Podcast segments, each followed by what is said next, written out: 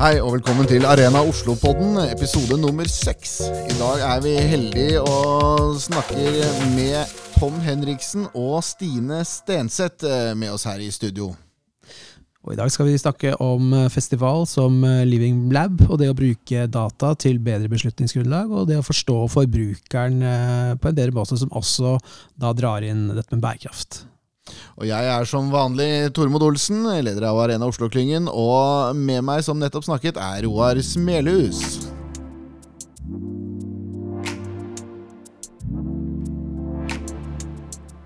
Ja, velkommen til eh, Arena Oslo-podden, episode seks. I dag har vi Tom Henriksen fra Telia og Stine Senstedt fra Holmenkollen skifestival.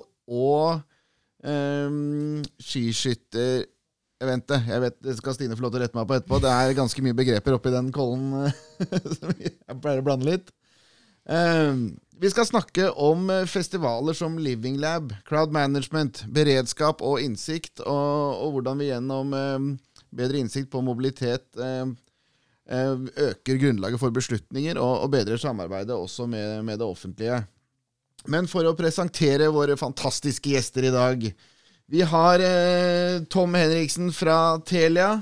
Han er en selger, han er en tech-gründer. Han er en tidligere fotballspiller på høyt nivå og en av våre beste sanne fotballspillere og med en lang langslagskarriere der. Han er en treningsmann. Jeg har i vårt tidlig i vårt samarbeid også mellom Arena Oslo og Telia, så insisterte jo Tom på å ha flere møter på treningsstudio. Noe som jeg selvfølgelig hadde godt av, men uh, han smilte mer enn meg i et par av de øktene. Uh, det var god stemning.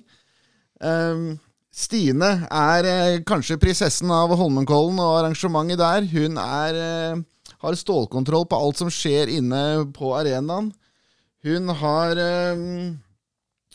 jobbet med barneteater, med filmproduksjoner, og nå styrer nesten alt som skjer oppe i åsen. Eh, hun har en fantastisk evne til å holde hodet kaldt og smiler uansett stressnivå. Og ja, Stine vet hva stress er. Arrangementet i Kollen 2020 eh, ble jo avlyst for publikum dagen før um, arrangementet skulle gjennomføres, og, og, det skal vi snakke mer om. Men um, velkommen, begge to. Tusen takk. takk. Ja, Nå glemte jeg selvfølgelig igjen. da, Jeg blir så ivrig på gjestene våre og er litt sånn vant til å ha Roar Smeles ved min side her, men han er selvfølgelig også med oss eh, her i dag.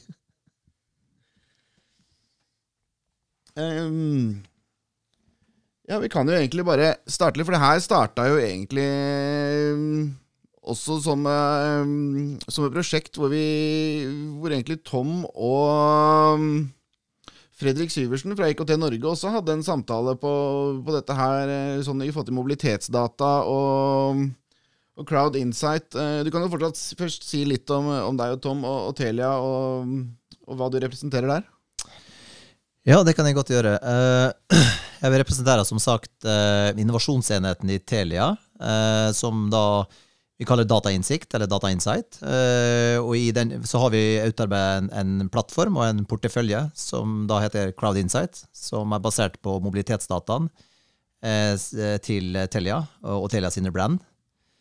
Og i den sammenheng så har vi definert en del vertikaler som vi mener hvor Cloud Insight, eller mobilitetsdataen, har en, en bra verdi, og deriblant event, eh, event og, eh, og, turisme, eh, som dette favna fort under.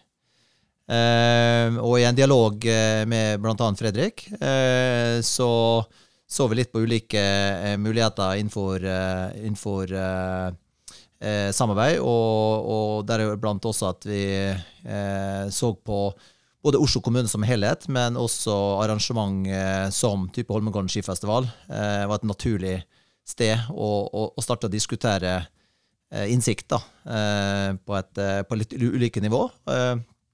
Deriblant også ble det etablert et møte. Ja. Og Stine, eh, der også har du vært sentral i hele den prosessen der. For dere også har jo vært veldig interessert i å komme på enda mer innsikt i, i hva som faktisk skjer, og hvordan ting rører seg der, eh, der, oppe. Så du kan vel si litt om deres ståsted, og ikke minst eh, hjelpe meg til å si navnene og de nye begrepene deres riktig. Ja. Altså, Jeg kommer jo da fra Holmenkollen skifestival, og vi arrangerer bl.a.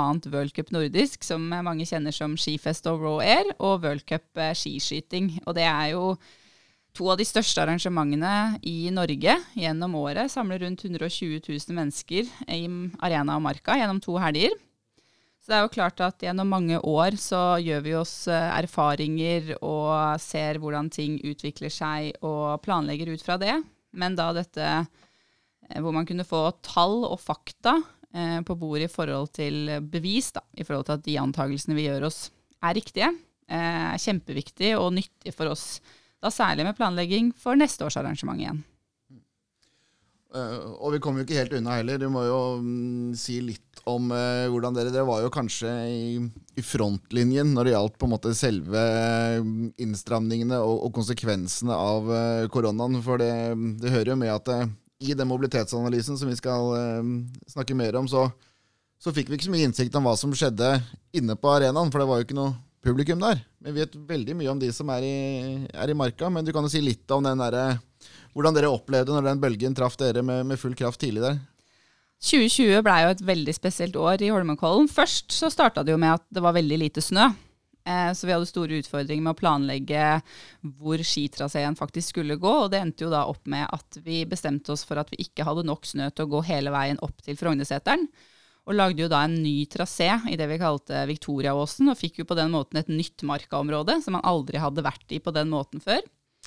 Eh, og så da, som du var inne på i stad, torsdag eh, før den skifesthelga, eh, som da egentlig starter med offisielle konkurranser fredag, fikk jo vi da beskjed om at vi ikke fikk lov til å gjennomføre med noe publikum. Så Det betyr jo at alle billettkjøperne våre fikk beskjed om at eh, det ikke ville være mulig for dem å komme til arenaen, og vi gikk jo ganske bredt ut og sa at eh, folk ikke måtte komme til Marka heller. Men det viser jo da dataene fra Atelia at uh, det gjorde de, og det er vel registrert rundt 7000 unike brukere som da var i dette Marka-området som vi kaller Viktoriaåsen da, i 2020. Det inkluderer jo da selvfølgelig alle de som jobba, altså politi, sanitet, Røde Kors, men da frivillige, utøvere og støtteapparat også, som går rundt med mobiltelefon. Men det var også store mengder publikummere ute i skogen eh, i 2020. Ja, Det var jo kjempespennende å se på den dataen, for det var jo selvfølgelig mye pressedekning om hva det er her, og kom dere hjem, og hvor det kommer fra, alt mulig. Der, eh, der satt jo vi på, på mye av, fasiten, selv om vi ikke hadde riggen helt klart ennå. Det her var jo litt sånn uh, nybrotts også i, i, denne sammenhengen her. og og kan du nevne også De som var med i dette, dette prosjektet, var jo Telia og, og Holmenkollen skifestival, selvfølgelig. Eh, men også Høgskolen Kristiania og um, IT-instituttet der, sånn, som også skal se videre på, på dataene i, i, tiden som kommer. Og ikke minst eh, Oslo kommune. Eh, og IKT Norge var også en del av eh, på en måte fødselen eh, til prosjektet. Og Oslo kommune er jo også de som ble eiere av prosjektet. For jeg kan fortelle litt om dette her. Det er jo et litt sånn hemmelige tjenester i Oslo kommune er jo at det finnes jo et smart byfond, eller smart bymidler, som er tilgjengelig for, eh, for de, med, de, som er med på å løse utfordringer for Oslo kommune i en eller annen smart sammenheng, som egentlig er et vidt begrep om å gjøre ting på en, eh, på en bedre måte gjennom privat-offentlig samarbeid. Eh, det som er spesielt med dette fondet, er jo at det må være en offentlig etat som er søker. Så da er det jo egentlig, hvis man, hvis man skal ta initiativet selv til å bli en del av det, sånn som vi gjorde, så gjelder det å identifisere hvilken eh, etat som har mest igjen for å, eh, å være med på, med på, prosjektet. Og for oss var det naturlig å gå på arrangementskontoret og, og Stine Ore som, eh, som, leder det, for dette her handler jo om det. Men kan jo minne folk på om, for Eksempelvis er jo Munch-museet det er en offentlig etat. Du har jo flere måte, Du har kultur kulturetaten, du har eh, Bymiljøetaten, du har eh, Gravferdsetaten. Det finnes masse etater som driver ute i offentlig rom, som man kan ha kule prosjekter med. Og dette fondet det er ikke tomt, så det er bare å ta kontakt. Hvis man da har noen gode ideer, så skal jeg være med og, som Arena Oslo være med og bidra til å finne koblinger der. Men Eh, vi gikk jo ganske kjapt. Det gikk ganske fort fra vi, fra vi satte oss sammen til det endte opp at vi fikk 500 eh, 000 eh, fra Oslo kommune til å, til å lage en pilot for å løse dette her sånn. Vi kan jo snakke litt da om og høre med, med Stine. Hva, måte, hva er intensjonen deres med å gå inn i på en måte, hvilken, Hva slags data, hvilke utfordringer er det dere ser eh, nytten av å bruke mobilitetsdata på den, den måten? Altså Det det gir oss, er jo verdifull data om forflytning, hvor folk oppholder seg. Eh, dette her eh, som går særlig på marka, er jo hvor mange som overnatter. Og rett og slett få konkrete tall på, på at sånn her er det. At ikke vi må gjøre antakelser eller utregninger ut fra kvadratmeter, ut fra flyfoto, gjøre beregninger med tanke på hvor mange som har tatt T-banen opp. Eh, men at vi her har faktiske data. Og i det så kan vi jo planlegge bemanning ut fra sikkerhet, politi, vektere, sanitet, Røde Kors og de tingene der. Eh, så hele den sikkerhet- og beredskapsplanen vår blir jo mye, mye mer sikker når vi får de konkrete faktaene på bordet. Og kan se hvor er det folk går inn, hvor er det folk går ut, eh, og hvor er det mest trøkk til hvilken tid, rett og slett. Inni arenaen så er det jo veldig interessant for oss, særlig da på det skifest- og uh, raw air-arrangementet vårt, hvor vi har hopp kombinert og langrenn, er jo å se hvordan publikum i arenaen forflytter seg mellom de to måte, arenaene, hvor vi har stadion og hoppbakken. Uh, og lære å se hvor mange er det som ser alle tre grenene, hvor mange ser bare én gren. Hvordan forflytter folk seg i arenaen med tanke på forpleining og de tingene der oppfølging der sånn. Eh, jeg tenker på dataene. Eh, folk er jo nysgjerrige på hvor er samler, hvordan er det man samler data. Eh, jeg antar at dette er et mobiltelefon. Kan ikke du fortelle, fortelle litt om, om, det? Ja, jeg kan fortelle litt om to perspektiver. For det er jo to data, datakilder som ble brukt i Holmenkollen skifestival-sammenheng. og Det ene er på et makro, mer et makro til mikronivå, og det er mobilitetsdata. Eh, det er en kontinuerlig samling av mobilsignal, eh, hvor vi også eh, har blitt dyktige på å sette lokasjon til signal. Og dermed har vi også en, en forståelse av hvor folk kommer fra. Hva er hjemmesone til, til gjestene til Holmenkollen? og hvor ender da på en måte reisen at den ender på lokasjonen Holmenkollen-området. så det er fra et makro, makrobilde som kan støtte opp under eh, markedsføring, eh, kan støtte opp under eh, overfor et sirkulærøkonomipunkt. Eh, se hvor, hvor er det folk på en måte kommer fra som skal være i området Holmenkollen. Eh, og ikke minst eh, i etterkant av Holmenkollen skifestival. Hvor er det de drar da? så det er det ene. det andre er wifi-data, som er også GDPR-kompatible. Eh, som eh, mobildataen. Det er viktig å få fram at uh, dataene er anonymiserte og aggregerte. Så man følger ikke ett individ. Så det er en gruppe av, av befolkning. Um, og det samme gjør vi på wifi, men der kan vi da bevege oss ned på, på helt andre granularitet og helt andre på en måte områder i forhold til størrelse. Da må jeg bare bryte inn her. Granularitet, det er ikke frokostblanding vi snakker om da, er det det? Nei, eh, det er et eh, brukt, godt brukt uttrykk innenfor mobilitetsverden, men eh, det går på oppløsning. Så størrelse på området som vi måler. Og typisk på, på wifi så beveger vi oss fra 0 til 30 meter, ca. omkrets. Hvor vi kan gi en ganske bra forståelse av bevegelse mellom f.eks. sensorer som er satt opp i, et, i en klynge, eh, som er strategisk satt opp i forhold til eh, verdien eh, for, eh, for Holmenkollen. Ut ifra et kart og et mønster som, som er viktig for dem. Ja, altså annen, Bare for å legge til en annen ting eh, som er viktig for oss i dette, her, er jo det du var inne på nå, med at vi vet jo at våre arrangement har en stor verdi for Oslo som by. Altså F.eks. på skiskytterarrangementet vårt så vet vi ut fra publikumsundersøkelser at rundt 60% av publikum som kommer, er utenbys fra og fra utlandet. Eh, og de kjøper også billetter for alle tre eller fire dagene med konkurranse. Eh, og da vet vi at de legger igjen overnattingsdøgn, penger på restauranter og sånne ting i Oslo. Eh, og det å da kunne få tall som bekrefter de, eh, det vi vet, eller egentlig ut fra våre undersøkelser, at vi får enda bedre data på det, er jo kjempeviktig for oss som arrangør inn mot Oslo kommune, så de forstår verdien enda bedre hva Holmenkollen skifestival gir tilbake til Oslo som hovedstad, rett og slett. Ja, Det er jo et, et, kjempeviktig poeng. Og det her er jo litt av den uh, kjernekompetansen din også, Roar, som går på hvordan bruke denne sammenkoblingen mellom event og, og bymiljøutvikling, sånn bærekraftsperspektiv. Uh, kan du si litt om hvorfor du syns det er spennende? Ja, det er mange temaer rundt det her, sånn, men uh, det å vite og det å, å, få data på ting er jo også noe knytta til bærekraft. Uh, for Du snakker litt om politi, alle som er rundt et sånn type event. Ikke sant? Det går mye på, på, planlegging og ressurser. Og Du nevner sirkulærøkonomi, og sirkulærøkonomi er jo på material og materialstrømmer, men det dreier seg også om å bruke ressursene bedre. Så dette blir viktige aspekter uh, inn i by også, uh, stadig mer. da.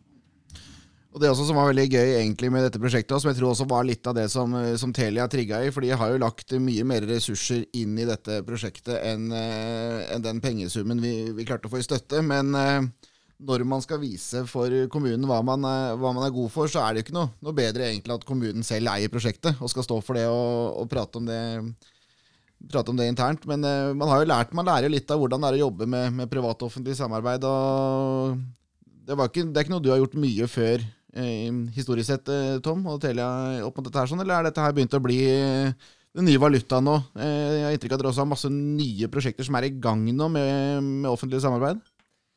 Eh, hvis du ser historisk sett, så, så, så kommer vi jo egentlig utspringet fra, fra starten av. da. Eh, hvis du tenker fra Crowd Insights eh, sped begynnelse, så, så, var det transport vi så som var på en måte modenheten eh, innenfor den type dataanalyse som var eh, størst. Eh, men, og det er klart, det, Der er det mange aktører innenfor det offentlige. Men samtidig så ser vi nå at nå ruller det opp mer, mye mer samarbeid på tvers av både offentlig og privat, som, som er en, mer et konsortium. da, Som ser har verdi for begge, for begge, for begge parter. da. Uh, og der hvor Telia ser også verdien av å være med på også ulike innovasjonssatsinger eh, uh, som gjøres. hvor vi bidrar inn som dataleverandør. Da. Ja, og i de, i de sammenhengene der sånn, hvis man, hvis man, har et prosjekt hvor man da føler at mobiliteten eller hvordan folk beveger seg og, og planlegger rundt det, er en viktig del av det, men man sliter litt med, med innsikten. Går det an å hvordan går man fram for å få med Telia inn på en sånn innsikt? Er det noe man uh, går på nettet og kan bestille, eller er det noe man må kontakte? Eller bør, man, bør det være et svært, uh, svær greie med masse penger for å, for å, komme til denne dataen, eller hvordan henger det sammen uh, for, for, de som trenger den innsikten? først og fremst så er det bare å ta kontakt med oss som jobber på, på forretningssida. der er vi jo to hovedsakelig da fra Telia. og så kan vi jo definere sammen eh, prosjektet. Eh, og det kan være et lite prosjekt, det kan være et større prosjekt. Eh, og da finner vi et, et, et, et, behovsbilde og en pris som på en måte passer, passer, det prosjektet, og i hvilken modenhet det er. Så kan det også kjøres som en enkel test, en enkel pilot. Litt oppfølging på det, fordi jeg har fulgt eh, smart uh, bysatsingen til Oslo kommune. Og jeg har jo vært litt sånn kritisk til den i perioder, for jeg syns ikke den er så ambisiøs og ikke så tydelig som en del andre byer.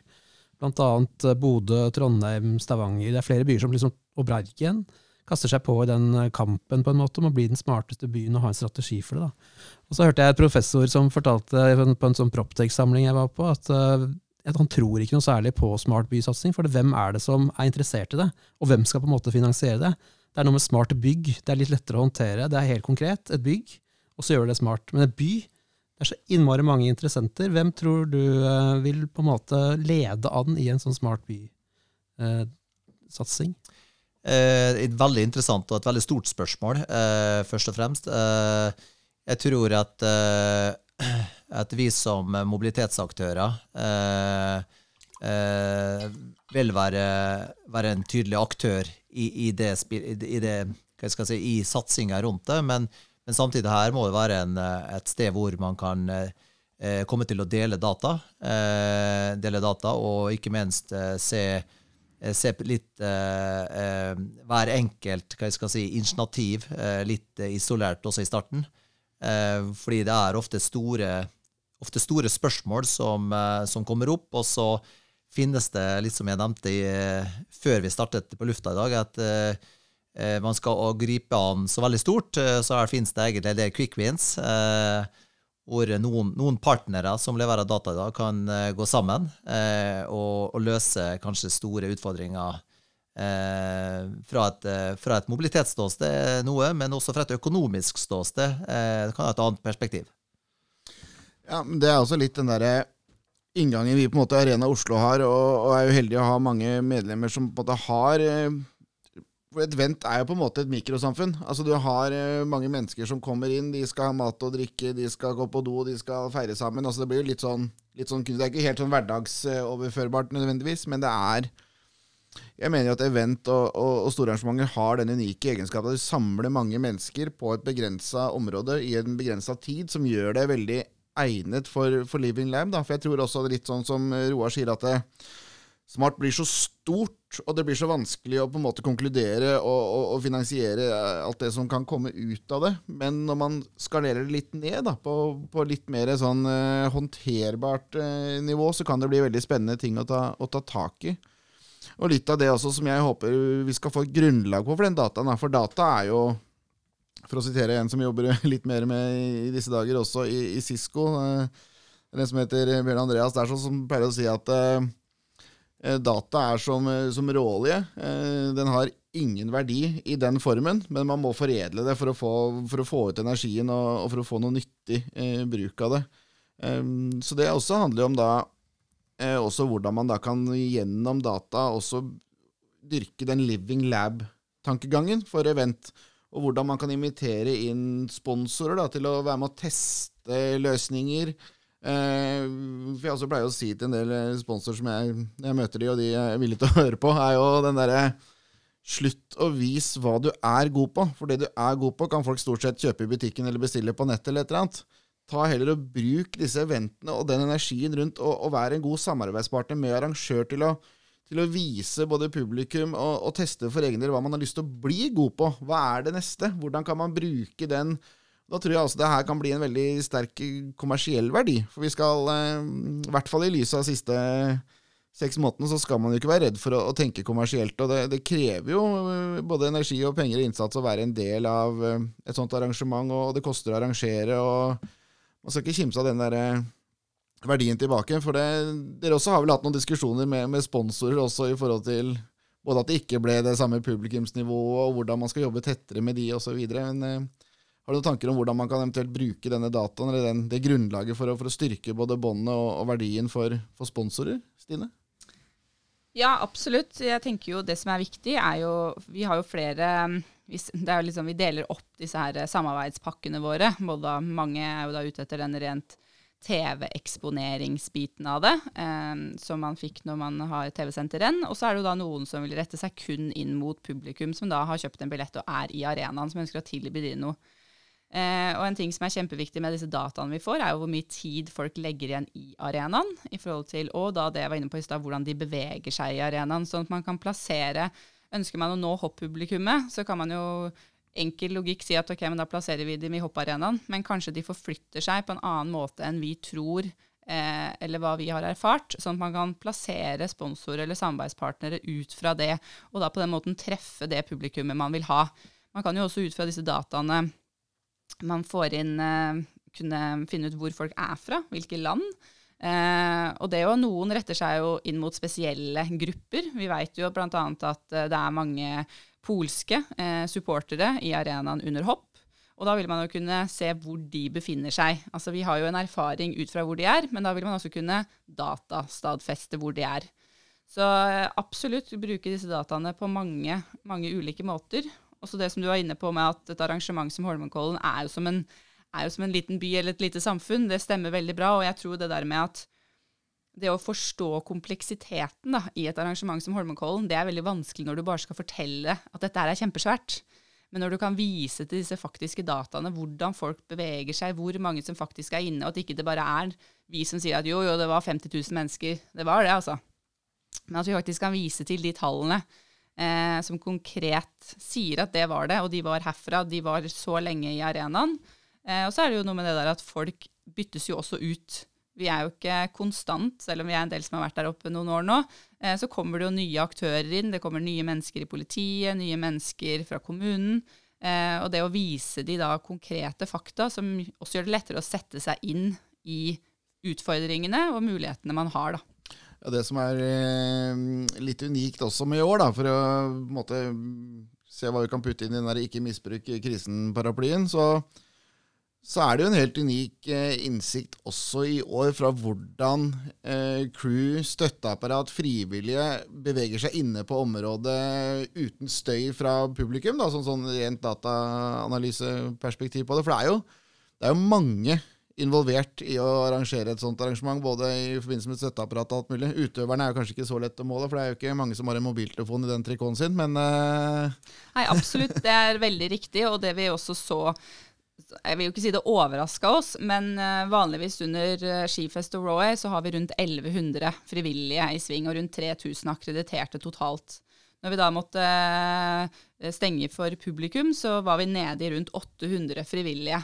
Det var jo klart at det kanskje ble noen flere fordi at man måtte avlyse på en måte så kort tid som man tok med seg noen ekstra just in case.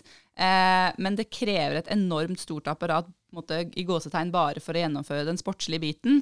Og det å kunne da også vise til at disse menneskene faktisk er i bevegelse, gjør en jobb, eh, er jo også da med å forsvare eh, noe med den ressursbruken som er, vi har vært inne på.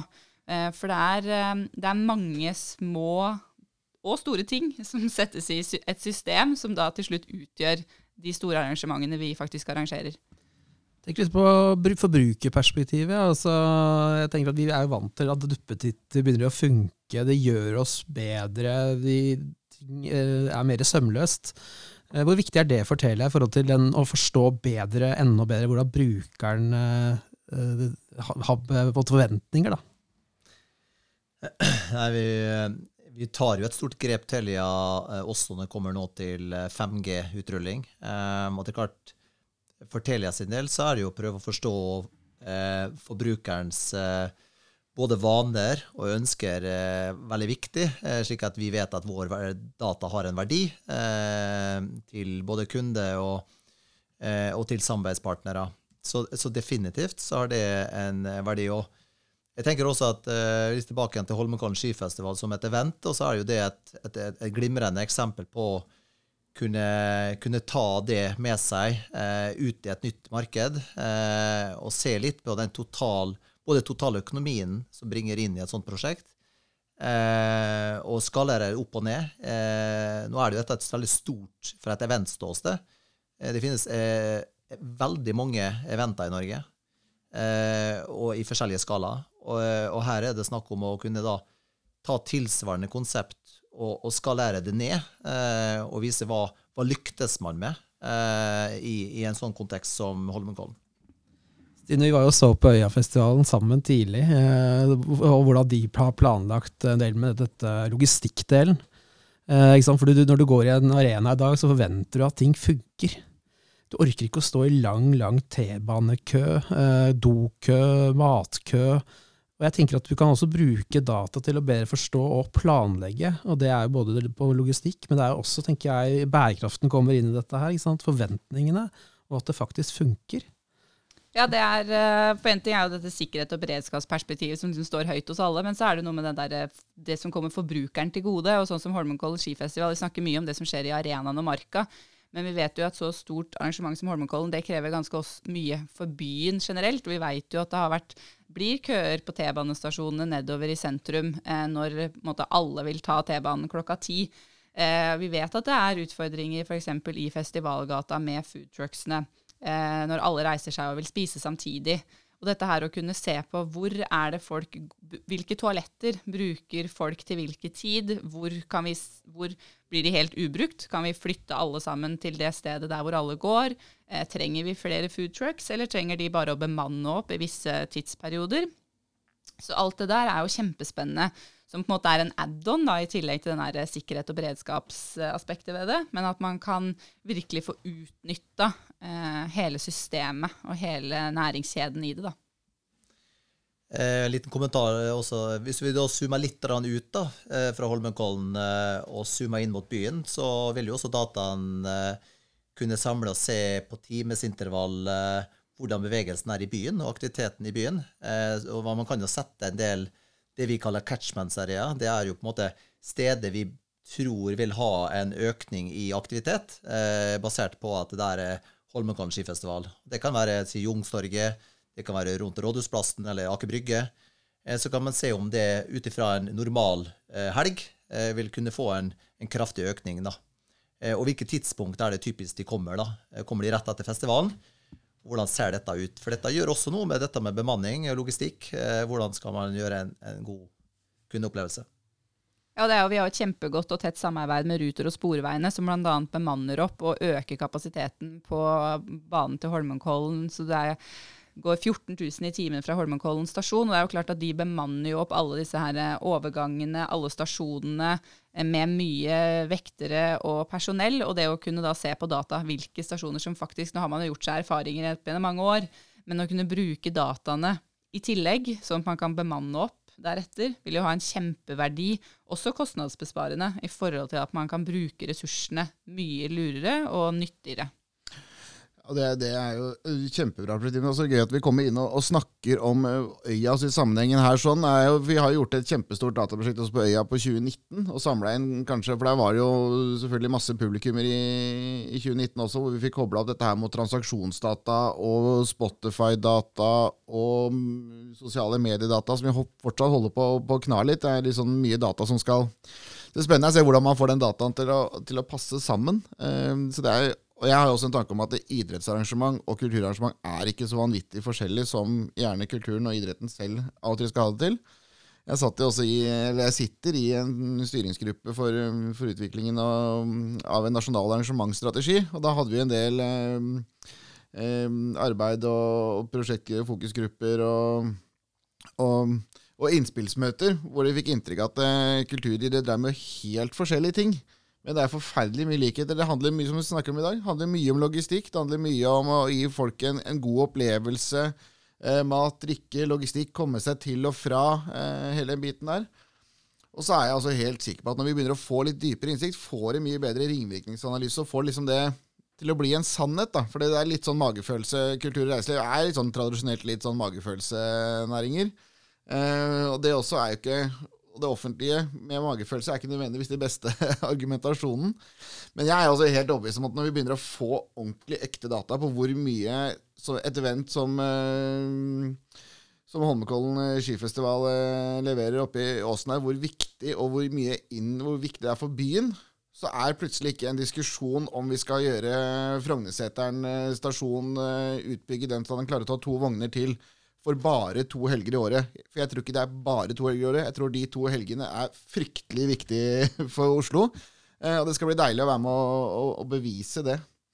Så vi nærmer oss jo på en måte slutten av en, eh, en, veldig deilig samtale. Det er jo på en måte et tema man kunne snakka mye om. og Jeg gleder meg til vi får se ordentlig dataene videre og, og, og får de til å, til å leve. Men eh, dere skal få begge muligheten til å ta en eh, avsluttende kommentar. Kan begynne med deg, Tom. Jeg har jo litt innovasjonshatten på meg stadig vekk, eh, og tenkte vi skulle gjøre det nå også. Vi, Stine har jo nevnt litt om eh, hva er det slags publikum man ser typisk eh, gjennom årene oppe i Holmenkollen skifestival. Og for å gjøre kundeopplevelsen enda sterkere, så tenker jeg at eh, hvorfor skulle ikke T-banen eh, eh, prate med sine kunder på ulike språk, som er basert på, på de, for de landene de representerer, de som er besøkende. Eh, det kunne være godt, eh, en godt forståelse av hvordan tar man data ut eh, kundeveis. da. Ja, jeg må jo bare si fra vår side at det har vært utrolig spennende å få være da, den casen som har blitt brukt i dette prosjektet, og at vi i utgangspunktet bare gleder oss til fortsettelsen. Nå blir jo 21 et veldig spennende år i forhold til hva som blir av restriksjoner, og hva man får lov til å gjøre, og hva som blir eh, riktig å gjøre. Og så ikke minst da framover mot 2022, og vi håper at vi er 100% tilbake, tilbake og nikker igjen. Eh, men dette her er kjempeviktige og nyttige eh, data som vi kommer til å bruke eh, i planleggingen framover. Tusen takk. Har du noen velvalgte ord, Roar, for å runde av eh, framtidens bruk av data? Jeg brenner jo veldig for dette temaet. Jeg jobber jo mye med festivaler selv. Og jeg ser jo liksom den muligheten med å bruke festivalene nettopp for å teste ut ny teknologi, men også på bærekraftsområdet, da, som jeg jobber mest. Eh, det er så mange ting der som man kan eh, dra veksler på. da. Så jeg syns at eh, man skal bare jobbe mer med det, og bruke festivaler mer som testarena. Og bruke det liksom inn i by. For da får du en mye større eh, virkning også etterpå. Velvalgte siste ord der. Eh, Tusen takk for at dere kunne gjeste oss i dag, eh, Tom og Stine. Takk for oss. Takk for oss.